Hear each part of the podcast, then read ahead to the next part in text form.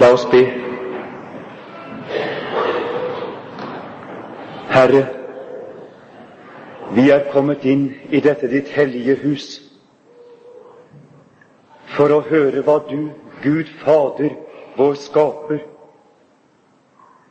du, Herre Jesus, vår Frelser, du, Herre Hellige Ånd, vår trøster i liv og død, vil tale til oss. Herre, lat nå opp våre hjerter ved Din Hellige Ånd, så vi av ditt ord må lære å sørge over våre synder og tro i liv og død på Jesus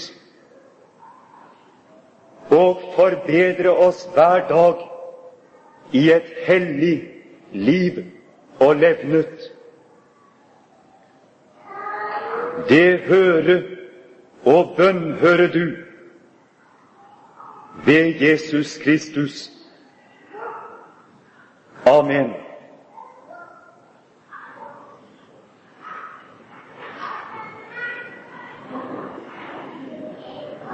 Hør, Israel, Herren din Gud. Herren er én. Og du skal elske Herren din Gud av hele ditt hjerte.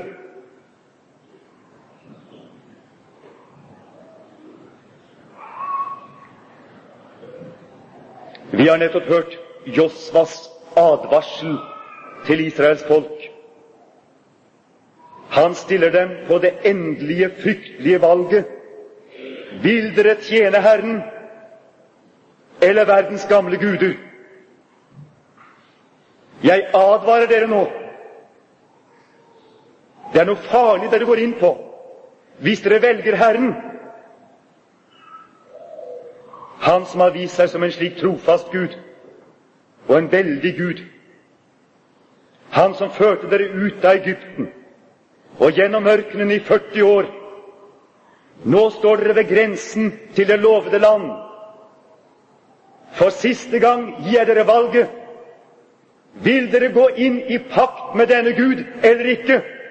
Jeg advarer dere. For dere kan ikke tjene denne trofaste Gud, dere som har så svikefulle hjerter. Og hvis dere ikke kan, da er det bedre for dere at dere aldri gikk inn i forbund med en slik Gud. For han er en hellig og nidkjær Gud. Da vil det være bedre for dere å tjene verdens gamle guder og sose gjennom livet med dem i et uvirkelig liv, og så endelig bli skuffa ned i jorda. Allikevel vil det, være bedre enn å gå inn i forbund med en slik hellig og forferdelig Gud og bli dømt av ham som svikere. Jeg advarer dere, sier Josva, for Herren din Gud er en nidkjær Gud. Han har en kjærlighet som krever alt. Han er en sjalu Gud. Han tåler ingen Gud ved sin side. Hans kjærlighet, som løste dere ut av Egypten, som førte dere ut gjennom ørkenen, er en lidenskapelig kjærlighet. Den brenner like fra himmelen ned i det dypeste dødsriket. Slik er den levende Gud.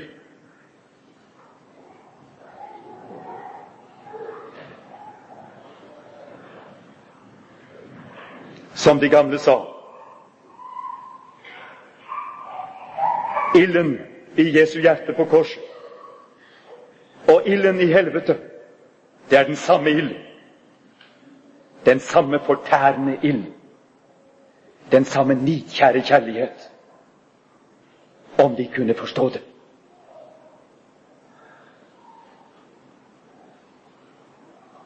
Men folket sier jo, vi vil tjene Herren. De har erfart Herrens makt og Hans godhet. Og de har erfart sitt eget svikefulle hjerte. Gang på gang har de knurret mot ham. Men nå sier de nå ser vi beviset. Her står vi over grensen. Vi ser inn i det lovede landet, frelsen. Vi vil tjene Herren, og vi kan. Og så går de inn i pakten, endelig, med Herren, og går over Jordan og inn i landet.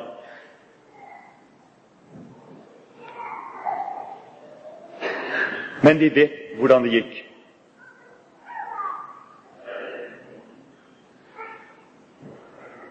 Fristelsene vokste opp av jorden i det lovede land. All den godhet og all den velsignelse som Gud øste utover dem, gjorde dem sløve, gjorde dem lystne. De slo bakut. De ble fete. De ble stolte. De ble store. De ble sine egne guder. Og de dyrket de gamle guder, landets guder. Og dette førte dem dypere og dypere inn i vellevnet materialisme og synd. Og til slutt så kom det så langt med dem som vi kan lese i den 106. salme i Salmenes bok. Vi leser fra det 35. verset. Men hør, Israel, sannheten om deg selv. Hør du Guds folk. De blandet seg med hedningene og lærte deres gjerninger, og de tjente deres avguder, og disse ble dem til en snare, og de ofret sine sønner og sine døtre til maktene, og de utøste uskyldig blod, sine sønners og sine døtres blod, som de ofret til Kanaans avguder, og landet ble vanhelliget med blod. De ble urene ved sine gjerninger og drev hor ved sin atferd. Da opptentes Herrens vrede mot hans folk, og han fikk avsky for sin arv og han gav dem i hedningers hånd, og de som hatet dem, hersket over dem. Det er sannheten om deg, Israel, Guds folk, også her i Norge. La oss sette oss ned under denne sannhet.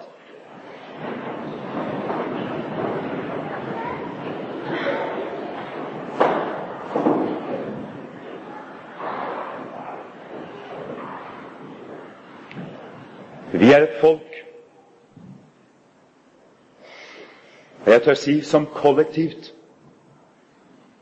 gjennom vår kristne folkeskikk, har gått inn i pakt med Herren, den levende, nidkjære Gud.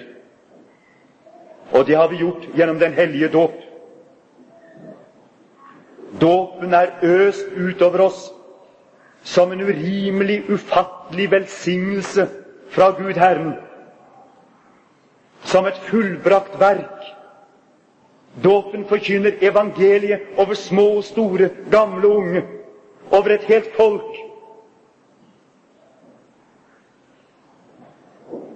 En velsignelse som er blitt til en forbannelse. En pakt som er blitt til en forbannelse. En godhet som er blitt til råttenskap i våre ben. Fordi den er forgjeves. Fordi den er blitt et dekk og et skalkeskjul for synd. Fordi vi bruker Guds nåde til å dekke oss mot Hans hellighet med.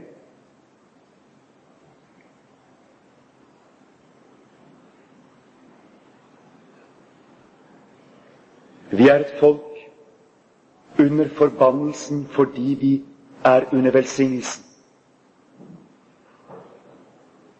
Vi er et folk i stummende mørke fordi lyset har kommet til oss. Vi er et folk på vei til helvete fordi Kristus hele dagen har bredt sine armer ut mot oss med sine naglemerker i hendene og har forkynt oss sin nåde.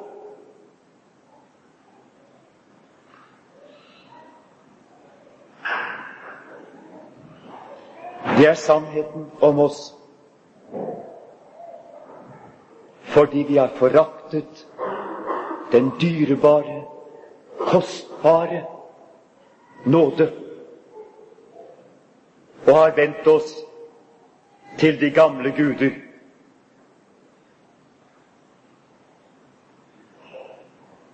Så dypt er vi falt Apostelens ord har gått i oppfyllelse på oss. Når synden er fullmoden, føder den død.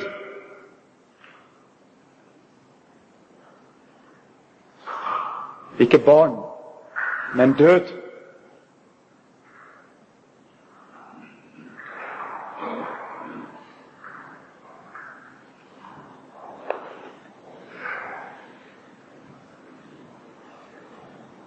Kristus forteller en gang en lignelse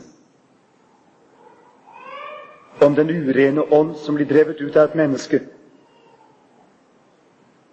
og som må flakke gjennom tørre steder og finner ikke noe sted å bo. Men til slutt så sier den til seg selv jeg vil vende tilbake til mitt gamle hus. Og når den kommer dit, så finner den feiet og pyntet, tomt og da tar den med seg syv andre onde ånder, verre enn den selv, og flytter inn der. Og det siste blir verre med det mennesket enn det første. Og det er sannheten om vårt folk. Og dette må sies, og det må sies her i dag. For det er ikke bare alle de andre det gjelder. Vi er ikke en forsamling fariseere, vi som sitter her. Vi er kristne. Vi er mennesker som kjenner vår synd og vår skyld. Vi er de som var kalt til å være lys og salt i dette folk. Og vi må erkjenne fordi vi ikke har vært et slikt lys og et slikt salt som Herren taler om, så har denne kreftsykdommen kunnet bre seg i vårt samfunn. Vi har forvaltet et falskt evangelium som ikke handler om syndenes forlatelse, men om syndenes tillatelse. Unnskyldning, tildekning, men ikke renhet, sannhet, hellighet, som nettopp skulle springe frem av Kristi blod. Og derfor har alt råtnet under den fine evangeliske overflate.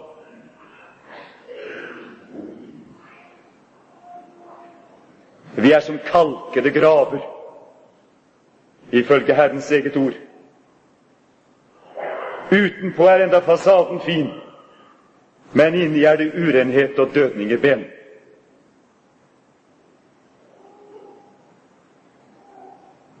Og det skal stå oss dyrt å falle i den levende Guds hender. For dom begynner med Herrens hus. Hvem er det Herren bryr seg om å dømme i Det gamle testamentet? Hedningene? Ja, av og til så. Men først og fremst er det sitt folk han refser og renser og banker og dreper og herjer med, inntil han står igjen med en liten rest, et lutret folk.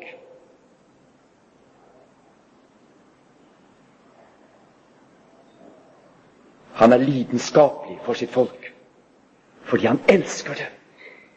Og han tåler ikke at dette folket driver hor med fremmede guder.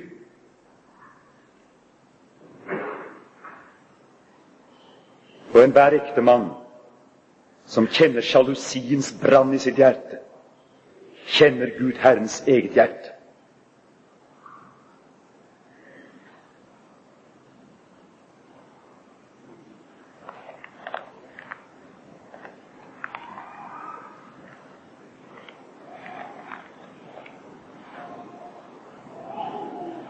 Er det noen vei ut? Fins det noen løsning for oss?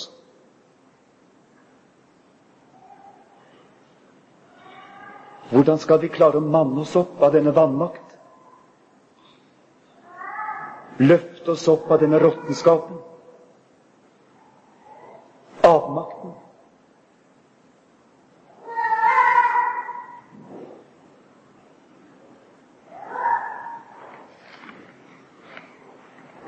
I en av dagens tekster så sier Herren til oss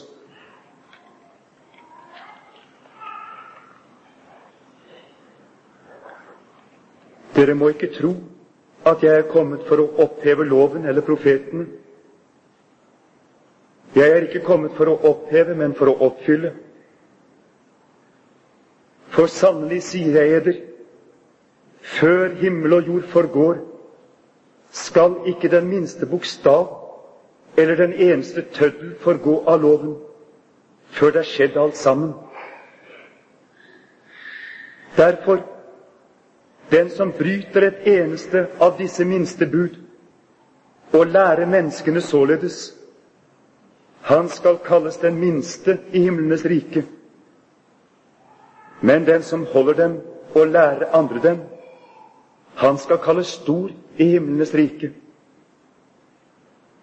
For jeg sier eder, dersom eders rettferdighet ikke overgår de skriftlærdes og fariseernes, kommer de ingenlunde inn i himlenes rike.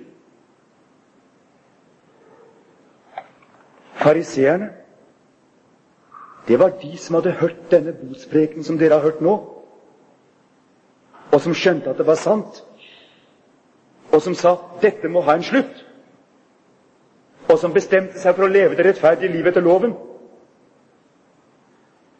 Gikk ut av all råttenskapen, vasket seg og renset seg, holdt Guds lov opp for seg og begynte virkelig å leve etter den.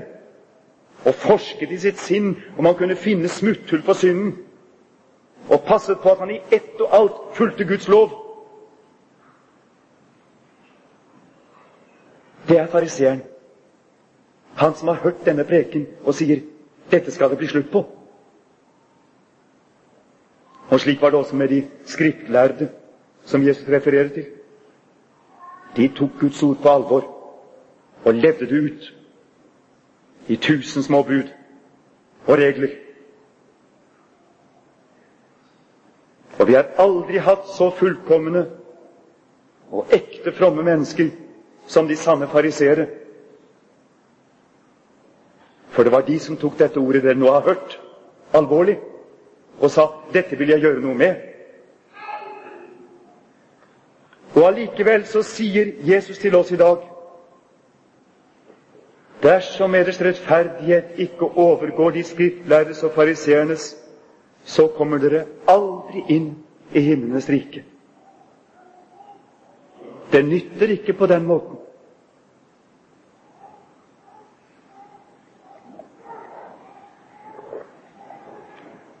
Dette ene verset det har en klang i seg av et annet vers, som vi kjenner fra et helt annet sted i Matteus evangelium. Og det må faktisk være det samme Jesus snakker om, siden han bruker de samme ordene. Vi kan lese i Matteus 18.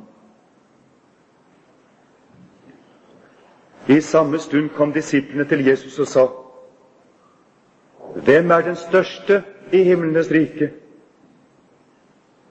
Og han kalte et lite barn til seg og stilte det midt iblant dem og sa:" Sannelig sier jeg eder, uten at de omvender eder og blir som barn, kommer de ingenlunde inn i himlenes rike.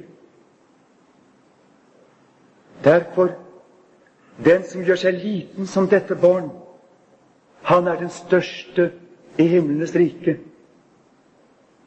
Og den som tar imot et sådant barn for mitt navns skyld, tar imot meg. Men den som forfører en av disse små som tror på meg, for ham var det bedre at det var hengt en kvernsten om hans hals, og han var nedsenket i havets dyp.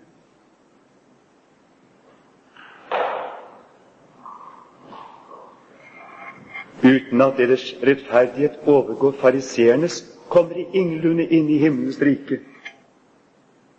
Uten at de blir som barn, kommer de ingenlunde inn i himmelens rike. Altså, det er barnets rettferdighet det er tale om. Den rettferdighet som bare er der fordi du er som et barn og bare blir båret av Guds omsorg og godhet. Der er grunnen for det nye livet. Du må bli ikke så stor og sterk som en fariser for å overvinne syndens makt. Men du må bli så liten, svak og hjelpeløs som et barn.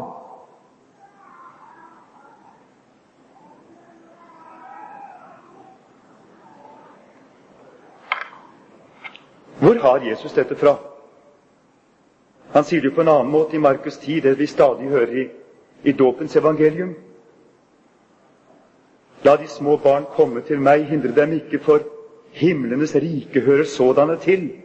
Sådanne. Mennesker som er slik, som barna. Den tilhører Guds rike. Hvor har han det fra? Vi tenker ofte at de har han fra sitt eget hjerte. Han vet jo alt, han som er Jesus, Guds sønn. Nei, han har det fra Guds hellige ord. Alt det Jesus sier, er fundert i Guds hellige ord. Du må venne deg til å se Jesus som en skriftlærd, en virkelig skriftlærd, som underviser ut fra ordet. Og Jeg har lyst til å lese det stedet for dere som Jesus peker på når han snakker om at Guds rike og Guds løfter tilhører de små, hjelpeløse barna. Vi leser det i femte Mosebok, i det første kapittel.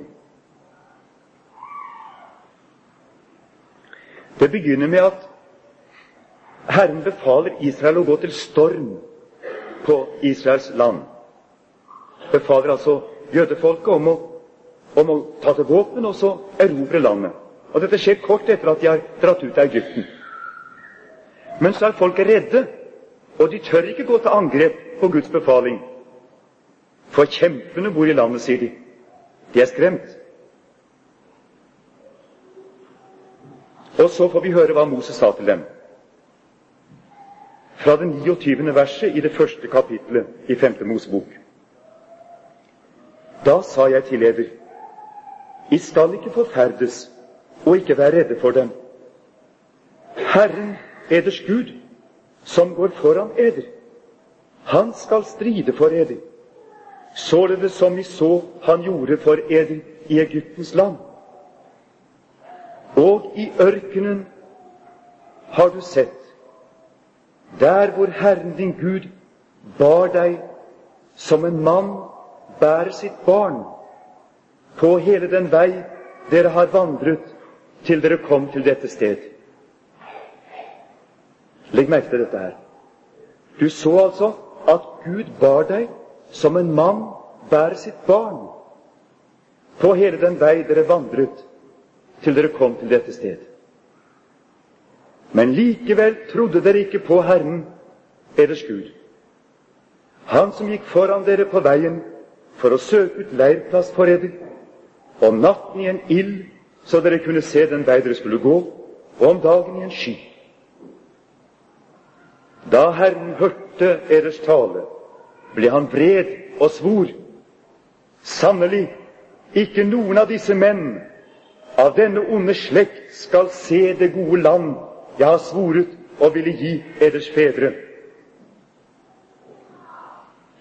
Og så sier han noen vers senere Og eders barn, som dere sa ville bli til råd,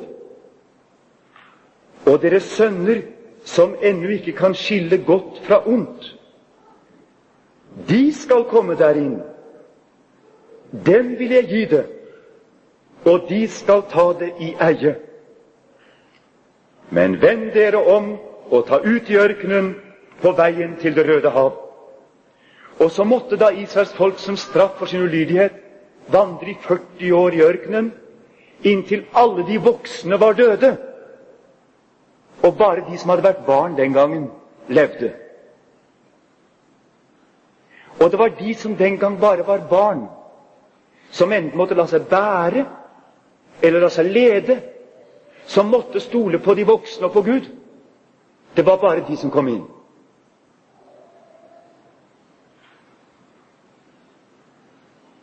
For Herren hadde jo båret hele folket som en far bærer sine barn. Det var det som i virkeligheten hadde skjedd, selv om folket syntes de hadde vært sterke. Og Derfor var det bare de som fremdeles slik måtte bæres, som kunne komme inn. Og Derfor så kan Jesus si himlenes rike hører sådanne til. Vi ble en gang båret til dåpen. Hjelpeløse, små, visste ingenting. Og allikevel så sier Jesus om oss at den gangen trodde dere på meg. Vi leste jo nettopp den som forfører en av disse små som tror på meg. For ham var det bedre at det var hengt en kvernsten om hans hals. Når et lite barn møter Jesus, da tror barnet umiddelbart på Jesus. Fordi han er den han er, og fordi barn er et barn som ikke kan leve uten å ha tillit til en voksen.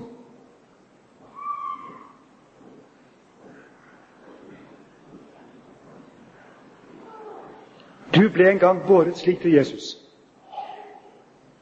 Du hørte til de folk som ble båret på armen gjennom det røde hav og gjennom ørkenen og inn i det lovede land den gangen du ble døpt. Og Jesus sier, 'Du må komme tilbake til den situasjonen igjen.' Du må bli helt og holdent overgitt til Guds nåde i mine hender like hjelpeløs, like svak, like dum, om du skal bli frelst og få del i den nye rettferdigheten som jeg har, og som bare jeg kan gi deg. Syndenes forlatelse i mitt blod. Tilgivelsen.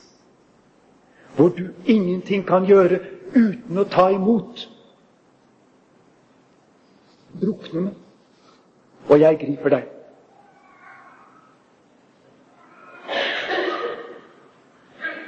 Dit må du komme. Dit må din synd og ditt svik føre deg. Du kommer ikke opp av det, men du må drukne i det. Du må ta din dom. Du må bare gi Gud rett. Du må la deg knuse av det og bli tilintetgjort av det. Som om ilden fra himmelen i dette øyeblikket regnet over deg som over Sodoma og Gomorra. Og det er Den hellige ånds ild.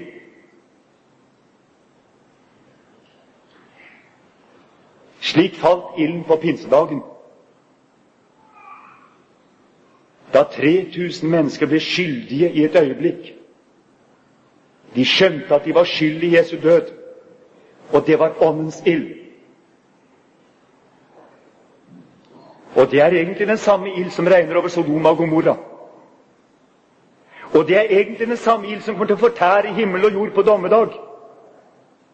Og det er egentlig den samme ild som brenner i helvete. For det er Guds nidkjærhetsild, men den når deg her og nå.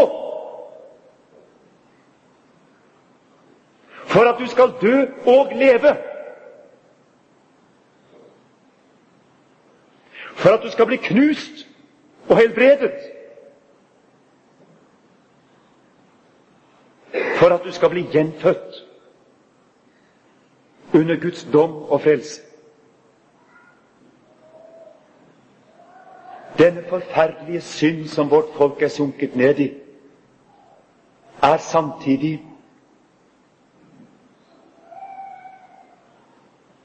en veldig kraft, en makt, som kan bli til nytt liv.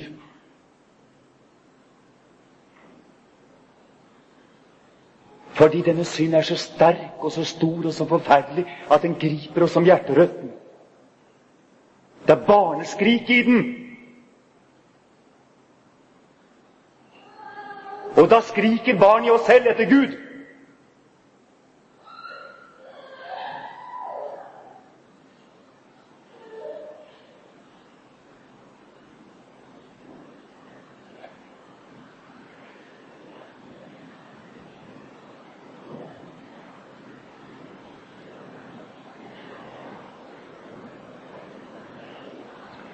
Under mine føtter Jeg syns det er forferdelig å stå her og tråkke på alteret. Jeg kan ikke skjønne hva folk tenkte når de laget slike prekestoler. Jeg tenkte det at Hvis jeg skulle gå på den prekestolen der, så måtte jeg først ta på meg noen svære, gylne vinger. Komme i svær hvit drakt og stå frem og si 'Se, jeg forkynner dere en stor glede!' Som i julenatten. Det kan passe til et kirkespill, men det er ikke noen prekestol. I de gamle kirker så sto prekestolen der ved midt imellom skipet og koret, på siden. Vi har et bilde av Martin Luther. Han står på en slik prekestol. Halvt vendt mot menigheten og på en måte halvt vendt mot alteret. Han taler til menigheten, og så peker han frem mot korset på alteret. Det er den rette posisjon for prekestolen. Du går til side for å gi plass for Jesus. Du står der for å kalle menneskene frem til nådens trone, til den nye pakts måltid, til det legeme og blod som ble gitt for oss på korset. Vårt nye levebrød, det eneste gudsbarnet kan leve av, om det vil leve det sanne liv for Gud. Kilden til den nye rettferdighet som sprang ut av Jesus side. Hjerteblodet hans og hans legeme, som bar din synd og ble knust under din synd. Der står prekestolen, og predikanten peker fremover. Hvordan skal jeg peke? Jeg må bøye meg ned og peke sånn. Der nede, sier jeg. Ok, kan det også bli riktig, for det alteret er dypt nede. Det er på en måte det laveste stedet i Kirken. For Jesus bøyde seg så lavt at han vasket synderes føtter. Han bøyde seg så lavt at han ble tjener for de verste syndere. Ja, han la seg under våre føtter. Vi tråkket ham ned. Og slik lå han der som en bro mellom fortapelsen og frelsen. Så la ham ligge der da under våre føtter. Men bøy du deg ned der og bli liten med ham. Ta ditt kors opp. Ydmyk deg under Guds veldige hånd og si, Herre, det eneste som kan gi meg håp, og det eneste som kan gi meg liv, er din død for meg. Snart skal dere få høre disse ordene. Denne kalk er den nye pakt i mitt blod. Den nye pakt. Josva, Moses, det var den gamle pakt. Det var stentavlene. Guds lov sto på stentavlene som et ubønnhørlig krav til oss. Men kravet kunne ikke gi oss liv. Vi kunne ikke spise de steinene. Men vi spiser Jesu legeme og drikker hans blod. Og det er forskjellen på den nye og den gamle pakt. Og det er det som bærer når vi blir hjelpeløse. Vi kan lese om det i Jeremias, profeten Jeremias, i det 31. kapittel. Der leser vi om den nye pakt. Og det er der Jesus har det fra. Når han sier 'Denne kalk er den nye pakt i mitt blod', så sier han egentlig Jeremias 31 og de følgende versene. Det er der han har det fra. Det står ikke om den nye pakt noe annet sted i Den hellige skrift. La oss høre om den nye pakt. Jeremias 31, fra det 31. verset av. Se, dager kommer, sier Herren, da jeg vil opprette en ny pakt med Israels hus og med Judas hus. Ikke som den pakt jeg opprettet med deres fedre på den dag da jeg tok dem ved hånden for å føre dem ut av Egyptens land. Den pakt med meg som de brøt, enda jeg var deres ektemann, sier Herren. Men dette er den pakt jeg vil opprette med Israels hus etter de dager, sier Herren. Jeg vil gi min lov i deres sinn og skrive den i deres hjerte. Og jeg vil være deres Gud, og de skal være mitt folk. Og de skal ikke mer lære hver sin neste og hver sin bror å si Kjenn Herren. For de skal alle kjenne meg, både små og store, sier Herren. For jeg vil forlate deres misgjerning og ikke mere komme deres synd i hu. Der er det. Der ser dere hva kalken og brødet skal tjene til. Når Jesus sier 'gjør dette til min ihukommelse', ikke tenk på synden mer, men kom meg i hu.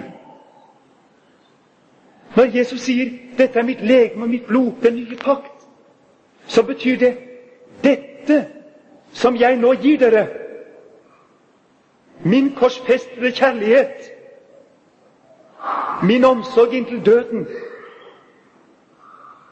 Dette er noe som skal skrive Guds lov inn i ditt hjerte med flammefinger.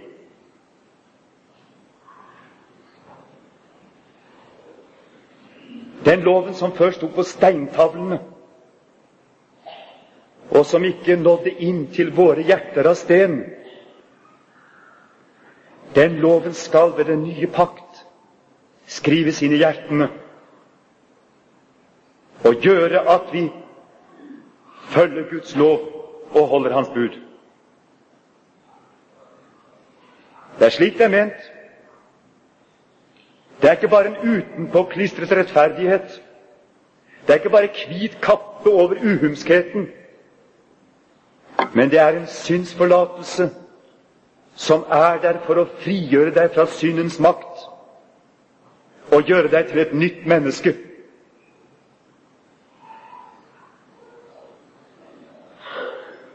Troen som griper dette, er en unnfangelse i deg av et nytt lite barn. Guds barn. Fullfødt blir det ikke så lenge du lever i denne verden.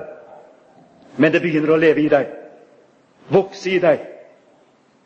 Og en gang, når de store veene kommer, og himmelen og jorden ryster i disse veene For Jesus selv kaller katastrofen før endetiden for fødselsveene. Da skal du fødes ut av disse veene og stå opp nyskapt, slik Gud hadde tenkt deg fra begynnelsen. Fri fra synd og skam. Fullfødt. Hvis du har tatt imot dette ord om syndenes forlatelse i ditt hjerte, og dette ordet er begynt å leve i deg og hellige deg Så Guds lov lever i deg som en anklage og samtidig som en kraft til nytt liv, i kraft av tilgivelsen.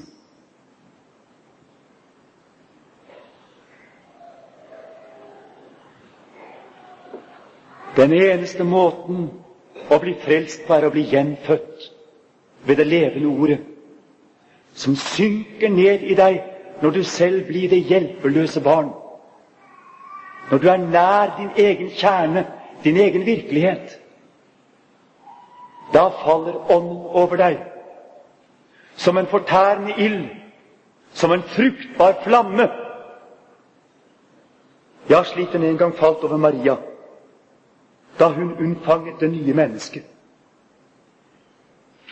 Jesus.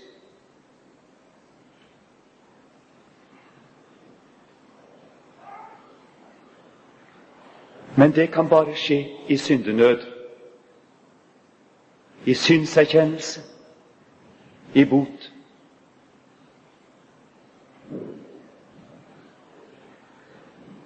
Det kan bare skje når du er der hvor Jesus har vært før, for din skyld. Og det er det første ved å ta sitt kors opp. Å gå inn i sannheten om seg selv. Slik Jesus gikk inn i sannheten om deg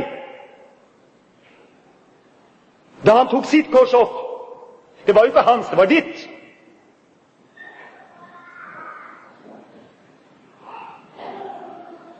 I Getsemane, og han svettet blod. Det var jo din syndenød som fikk ham til å svette blod. På korset, når han hang i mørke og fortvilelse og følte at Gud hadde forlatt ham. Det var jo din syndenød.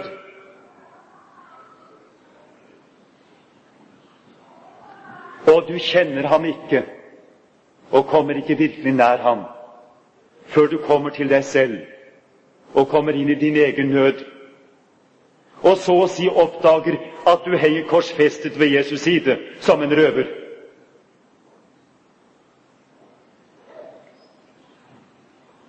Da er du hjelpeløs, da. Spikret fast i sannheten om deg selv.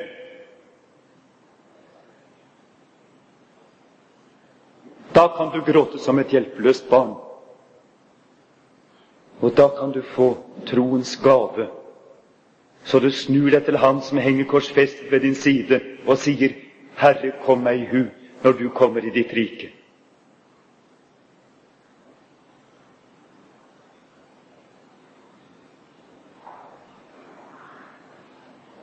Da begynner det nye hjertet å leve i deg og banke i deg. Når du får svaret fra ham sannelig, i dag skal du være med meg i paradis. Sannelig, i dag åpnes det lovede landet for deg. Sannelig, nå er du som et barn som lar deg bære inn i nådens rike.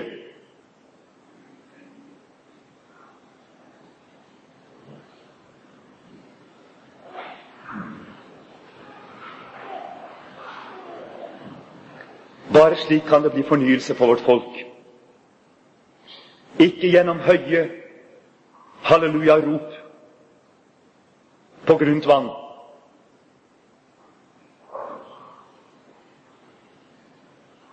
Men vi må dypt, dypt ned i vår dåp. Vi må lære vår synd og vår nød å kjenne og gi Gud æren Ære være Faderen og Sønnen og Den hellige ånd, som var og er og blir en sann Gud fra evighet og til evighet. Amen.